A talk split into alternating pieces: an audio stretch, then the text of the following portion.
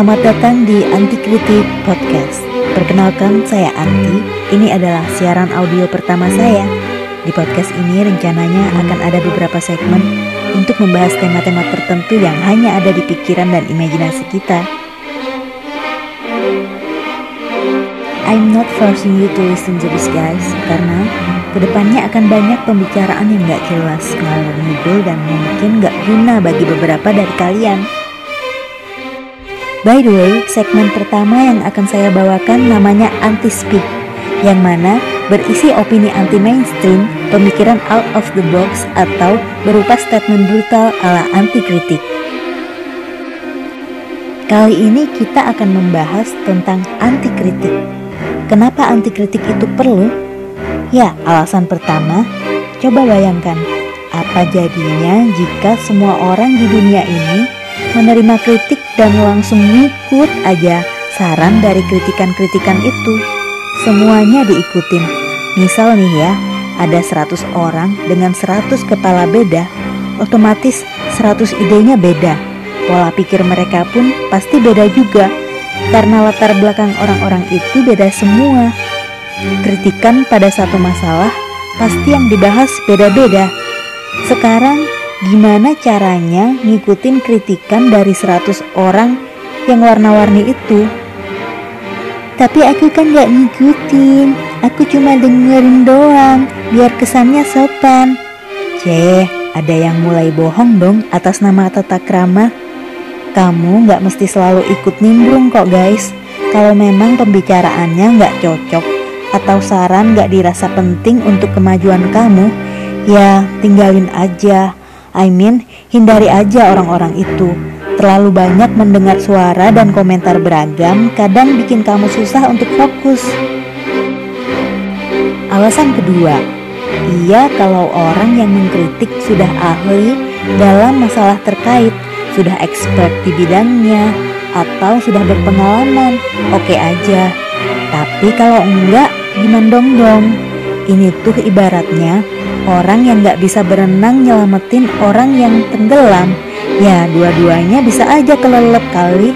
By the way suka mikir gak sih kenapa ya di negeri ini yang paling banyak bicara sering kali malah yang paling banyak gak taunya? Ya kayak di mana-mana gitu. Hati-hati sama orang yang berasa dirinya paling pintar dan paling tahu segalanya. They gonna drive your mind, guys mereka akan semakin berusaha. Halah ribet, tinggalin aja deh guys. 3. Kalau orang yang cuma bisa bacot, gak ngerti apa-apa, yang notabene bacotan itu gratis dan merasa pintar dengan mengkritik atau mencari-cari kesalahan orang lain, pada hakikatnya itu semua gak bikin permasalahan selesai. Ironisnya, justru kadang bikin masalah tambah ribet, semrawut, dan makin pelik. Kalau nggak ada solusi yang berarti, buat apa? Meski mereka ngasih solusi pun belum tentu solusi bisa dipakai kan? Misalnya, ada kakek-kakek kelahiran tahun 1930-an gitu. Ngasih saran anak-anak milenial sama generasi alfa buat nyari kerjaan di kantoran. Maksudnya sih biar praktis, nggak usah susah-susah usaha ini itu. Kata dia, udah yang paling bener. Persepsinya jelas beda, udah jauh kena gap perbedaan zaman. You know what I mean? Walaupun orang-orang tersebut pernah berpengalaman dengan masalah sama, belum tentu bisa diselesaikan dengan solusi yang sama juga pada momentum yang beda. Karena balik lagi guys soal sudut pandang, soal waktu, situasi, kondisi, subjek, predikat, objek, keterangan. Yang paling penting, ingat untuk menyaring apa pun yang harus diterima dan gak harus kita terima dong. Oke, alasan keempat kenapa anti kritik sering kali diperlukan. Gak semua kritik itu membangun loh.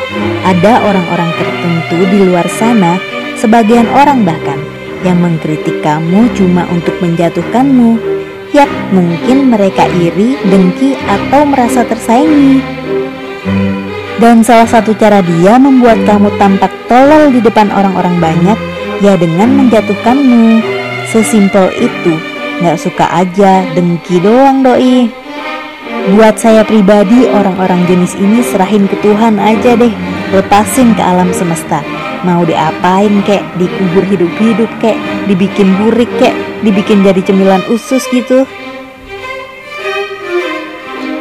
Beberapa orang mengkritik hanya karena ego merasa dirinya lebih senior. Ego ini muncul ke permukaan saat melihat kita yang biasanya lebih muda melakukan hal yang dia anggap janggal. Atau menurut dia apa yang kita lakukan adalah kesalahan di mata masyarakat. Ya, masyarakat di sekeliling dia aja dong tentunya karena tiap komunitas masyarakat yang beda kan aturannya juga beda-beda.